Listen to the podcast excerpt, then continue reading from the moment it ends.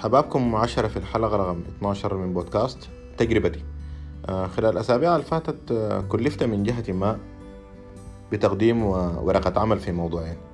آه، واحد من الموضوعين ديل كان عن مؤشرات قياس الأداء وبكل أمانة المهمة دي خلتني أبحث بعمق شوية في الموضوع. ومن خلال بحثي ده اطلعت على واحدة من, من الأدوات المدهشة صراحة. والمرتبطة آه، ارتباط كبير جدا بالتخطيط الاستراتيجي وضع الأهداف وهي بطاقة الأداء المتوازن. ولأنه الموضوع مرتبط بالحلقة اللي فاتت آه، خصوصا وإنه في ناس كتار جدا يتواصلوا معي وقالوا لي عندنا مشكلة حقيقية في الالتزام بأهدافنا.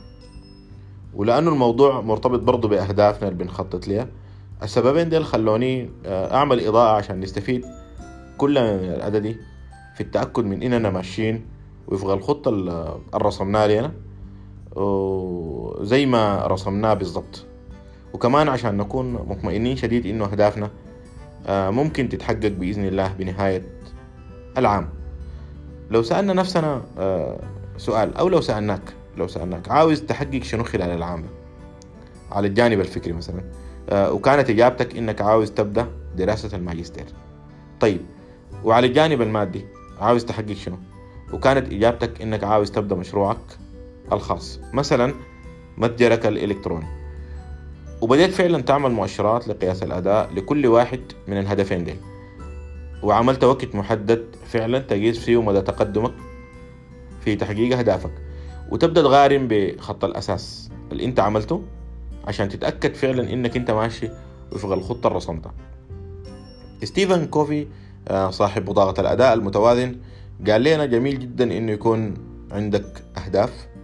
جميل جدا إنه إنه يكون عندك مؤشرات قياس أداء. بس آه، للأسف الحاجة دي بشكلها الموجود فوق واللي اتكلمنا عنه آه، ما فيها توازن. خصوصا إنه في هدفين مهمين جدا. واحد فيهم بيتعلق بالجانب الروحي والثاني بيتعلق بالجانب العاطفي ما موجودين. الجانب الروحي شنو؟ الجانب الروحي آه، مفترض إنه أنت خلال السنة يكون عندك واحد من الأهداف تتعلق بالجوانب الروحية مثلا آه، حفظ أجزاء من القرآن الكريم. الجانب العاطفي مفترض إنه برضه يكون عندك واحد من الأهداف خلال السنة متعلق بقضاء وقت مع أسرتك الكبيرة أو أسرتك الصغيرة أو أصدقائك أو كده. آه، غير كده ابدا ما حنكون متوازنين. والتوازن ده سبب مباشر وداعم في تحقيق الأهداف والخطط. خلال عامك الطويل والمليء بمجموعة كبيرة جدا من التفاصيل والأشياء المختلفة. وحسب تجربتي المتواضعة بعتبر إنه ده واحد من الأسباب اللي بتخلينا نحقق أهدافنا وخططنا بل أعظم هدف وممكن يكون سبب فعلا في تحقيق أهدافك. آه، الحلقة الجاية بإذن الله ممكن نتكلم شوية عن كيف ممكن نستفيد من مؤشرات قياس الأداء في تحقيق أهدافنا. في أمان الله وحفظه. مع خالص تحياتي وودي واحترامي. مهندس أنور محمد قسمك.